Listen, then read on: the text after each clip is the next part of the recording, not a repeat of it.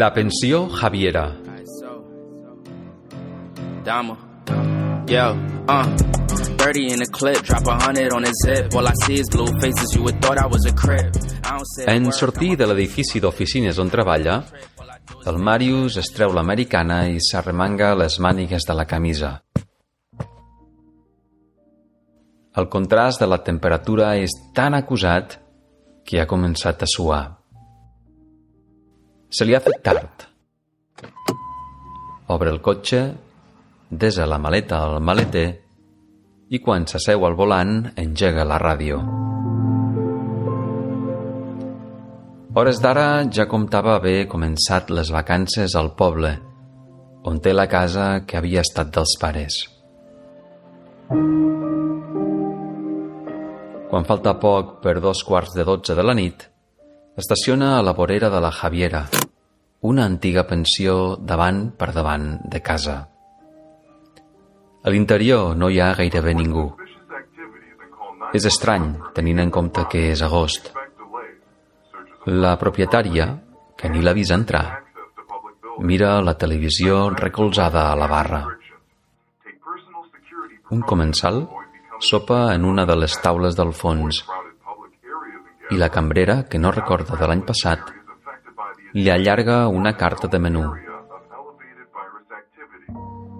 Per la manera com ella el saluda, però, sembla que s'haurien de conèixer. Miquela? Diu el Màrius, que s'alça i s'hi acosta. La Miquela és de l'edat de la germana del Màrius. Feia uns anys, a primera hora de la tarda, també d'un mes d'agost, la Miquela viatjava asseguda a la cornisa d'un remolc estirat per un barreiros de l'època. A una banda hi tenia el Màrius i a l'altra un home de Guinea Conakry que es feia dir tendre. Tots tres, jornalers, custodiaven la pila de caixes en aquell moment encara buides. El camí, polsegós i ple de sotracs, feia anar la Miquela d'un costat a l'altre, de vegades queia cap al Màrius, de vegades cap al tendre. La tarda avançava sota els fruiters i un sol de justícia. Al cap d'unes hores, poc abans del descans, el Màrius va anar a buscar el canti que havia quedat al principi del reng. I per més aigua que hi hagués, però, no n'hi hauria hagut pas prou per apagar la set que el Màrius va sentir en veure la Miquela amb una mà apuntalada contra el tronc d'un presseguer i l'altra agafada a la natja del tendre, que embestia brutalment.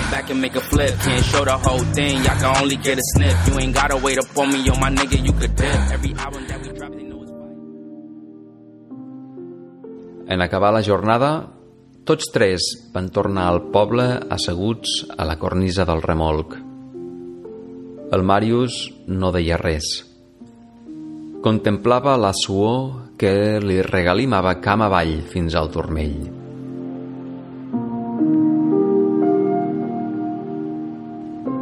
La següent vegada que la Miquela i el Màrius van coincidir, ell estudiava a Barcelona. L'encontre va tenir lloc durant les vacances de Nadal. Ell aprofitava els dies per preparar els exàmens. Es passava hores tancat a l'habitació de les golfes amb una estufa de butà i una manta de llana a les cames. Un d'aquells dies va sonar el timbre de l'entrada. Pensant-se que no hi havia ningú a casa, el Màrius va baixar a obrir. A la porta, però, es va trobar a la mare esperant la persona que pujava les escales. Era el Dama. el viatjant de Tàrrega. 30 in the clip, drop a hundred on the zip. All I see is blue faces, you would thought I was a crib. I don't say a word, got my fingers to my lip. Yeah, and I don't never trip. All I El Manolo el va saludar mentre deixava a terra una de les dues maletes voluminoses. Concretament, com de costum, li va dir «Hola, chato», i li va llançar les claus del cotxe. El Màrius les va entomar com va poder. Després, el Manolo li va demanar si li podia donar un cop de mà i pujar la maleta que hi havia al seient del darrere.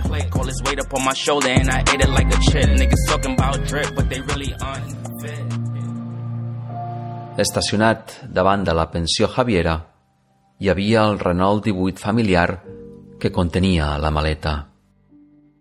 El Marius va obrir la porta del conductor, es va asseure al volant i va fer veure que conduïa.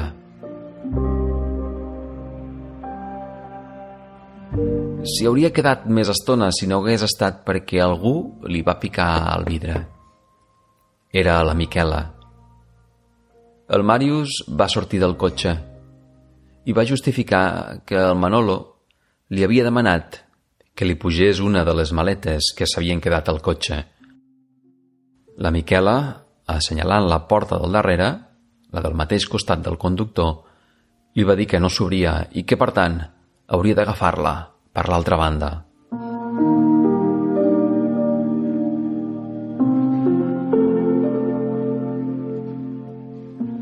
A la Javiera, el Màrius sopa el lavadejo amb tomata que li ha servit la Miquela – i ara, anys més tard, es demana com és que la Miquela sabia que la porta del darrere del costat del conductor del Renault 18 del Manolo no s'obria.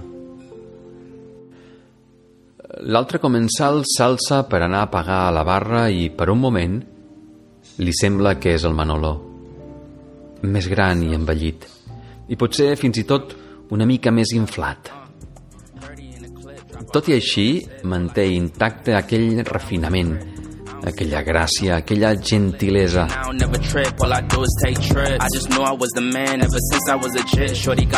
Sí, ara ho veu clar. És ell. El Marius voldria fer-li saber que va obtenir la qualificació més alta de la seva promoció de la doble llicenciatura d'Econòmiques i Empresarials que a més a més després va estudiar un màster en gestió pública i encara un altre en finances a una prestigiosa escola de negocis, que ara té un sou com cap altre dels seus amics del poble, tots amb panxa, casats i amb fills. El Màrius voldria fer-li saber que cada vegada que seia davant dels fulls d'un examen, ell, el Manolo, li venia al pensament. Li venia al pensament amb aquell refinament, amb aquella gràcia, amb aquella gentilesa. Un miserable venedor ambulant amb aquell refinament, amb aquella gràcia, amb aquella gentilesa.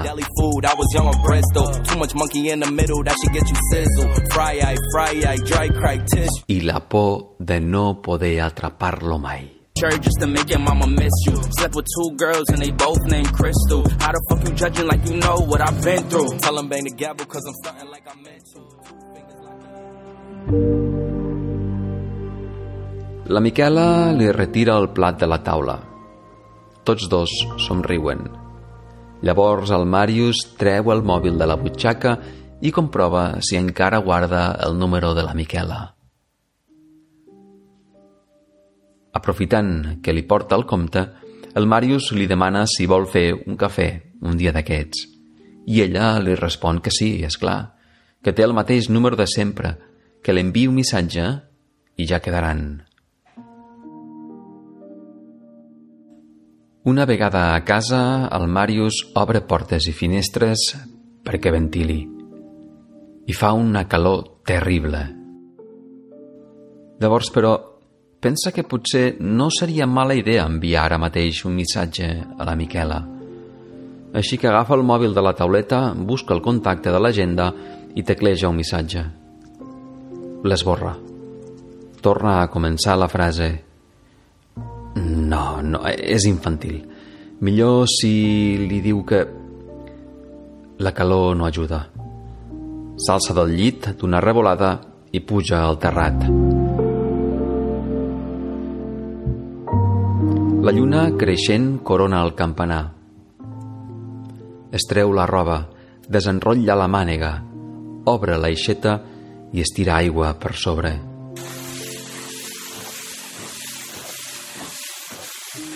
tanca l'aixeta, s'acosta a la barana del terrat i es queda cara a cara amb la pensió Javiera.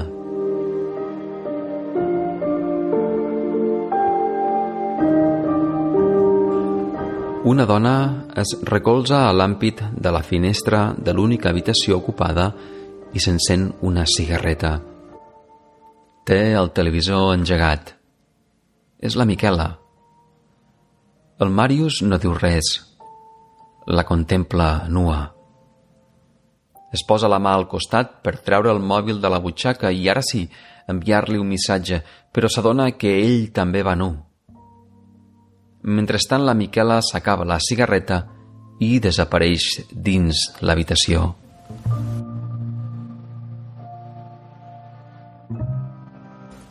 Poc després, apuntala una mà contra la paret, al mateix temps que, amb l'altra, enfonsa contra els pits el cap de l'home amb qui folla. I don't say a word, got my fingers to my lip. Yeah, and I don't never trip, all I do is take trips. I just knew I was the man ever since I was a chit. Shorty en acabar, la Miquela i l'home es posen un batí de seda d'imitació i desapareixen. Minuts més tard, la porta del terrat de la pensió Javiera s'obre. La Miquela s'acosta a la barana. Du un altre cigarret encès. L'home, dos benjamins de cava. Al veure el Màrius, al terrat de davant, l'home li diu «Hola, chato», i li llença una de les ampolles. El Marius l'entoma com pot. La destapa, sense esma. El líquid surt a raig. I acompanyat d'una rialla, el Manolo li diu «Salut, quin gust» tornar-te a veure. Came from copping deli food, I was young on Bristol. Too much monkey in the middle, that should get you sizzled. Fry eye, fry eye, dry cry tissue. Uh, life is what you making, nigga, I've been living blissful. Put you in a shirt just to make your mama miss you. Slept with two girls and they both named Crystal. How the fuck you judging like you know what I've been through? Tell them bang the gavel cause I'm starting like I meant to. Two fingers locking, yeah, you know just what I'm into.